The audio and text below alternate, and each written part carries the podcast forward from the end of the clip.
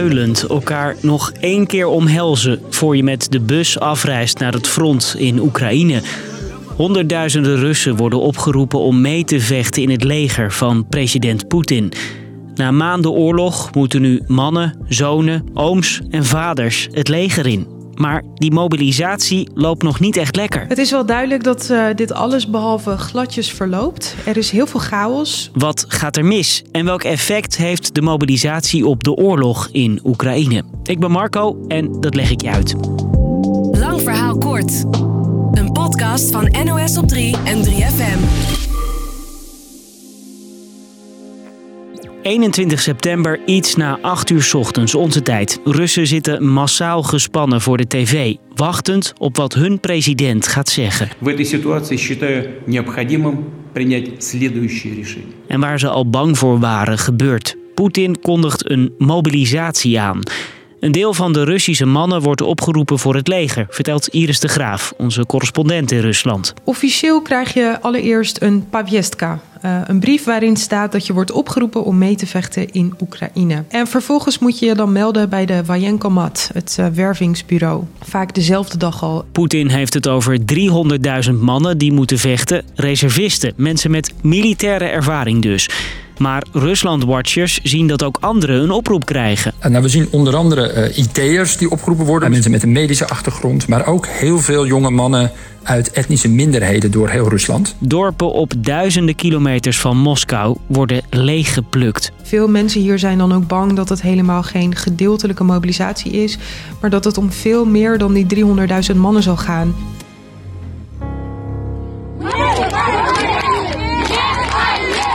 Nee tegen de oorlog. Als Poetin de speech afrondt, gaan mensen meteen de straat op. Waarom breek je mijn arm? roept een man. Meer dan 2000 Russen zijn in een week tijd in de armen meegesleept door politie en opgepakt.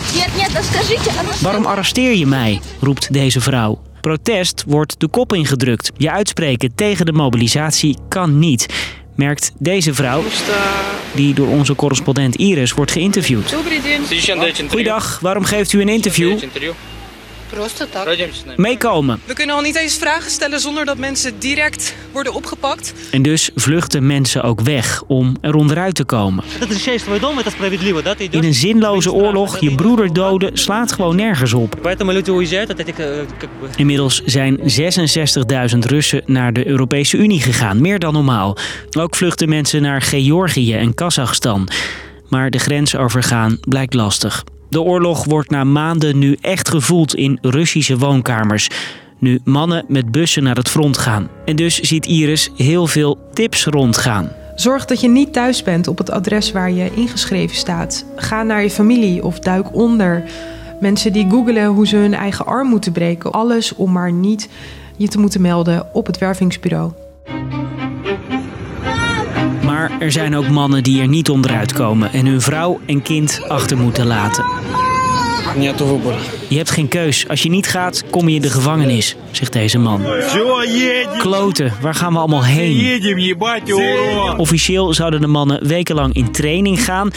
Maar Iris hoort andere verhalen. Er verschijnen nu al berichten dat er ook al bussen direct, of in elk geval vrij snel, naar het front zouden zijn gestuurd. En het protest is niet voorbij, eenmaal in die bussen. Er worden brandbommen op aanmeldcentra gegooid en er is zelfs een officier neergeschoten. Nou, dat laat wel heel erg zien dat het hele land en ook de omringende regio's ontzettend onder hoogspanning staan. Alle onrust die er ontstaat door die mobilisatie voelen ze in het Kremlin ook. Er gaan dingen mis, zeggen ze. We lezen veel berichten dat er mannen zijn opgeroepen, bijvoorbeeld zonder militaire ervaring. Dat wordt hier trouwens ook niet ontkend. De autoriteiten doen er alles aan om daar excuses voor te maken. Uh, ze zeggen dat het de schuld is van de lokale wervingsbureaus die hun systemen niet op orde hebben. Maar vrijwel niemand gelooft dat. En ondertussen zijn er al heel wat Russen opgehaald. Maar aan dat front gaat het ook niet soepel. Er verschijnen nu al filmpjes van mannen die buiten in de buitenlucht moeten slapen. Die compleet verroeste kalasjnikovs in hun handen gedrukt krijgen. Dat soort omstandigheden. Dat blijkt ook wel uit video's die vanuit de aanmeldcentra worden gemaakt. Vraag je vriendin om tampons, roept deze militair. Die kan je gebruiken om een bloedende schotwond te dichten. Al met al ziet het er niet best uit aan het Russische front. Natuurlijk lijkt die motivatie van deze opgeroepen reservisten ook niet heel hoog. Als je gedwongen wordt om te vechten in een land dat eigenlijk elke Rus beschouwt als broederland en waar ook bijna iedere Rus wel familie of vrienden heeft wonen. Dus, lang verhaal kort, de oorlog in Oekraïne komt in de woonkamers van Rusland nu gewone Russen mee moeten vechten. Er is protest en mensen proberen onder de mobilisatie uit te komen. De spullen in het leger zijn ook nog eens niet goed. De vraag is of dit verschil gaat maken in de oorlog in Oekraïne. En dat was de podcast weer. Thanks voor het luisteren weer.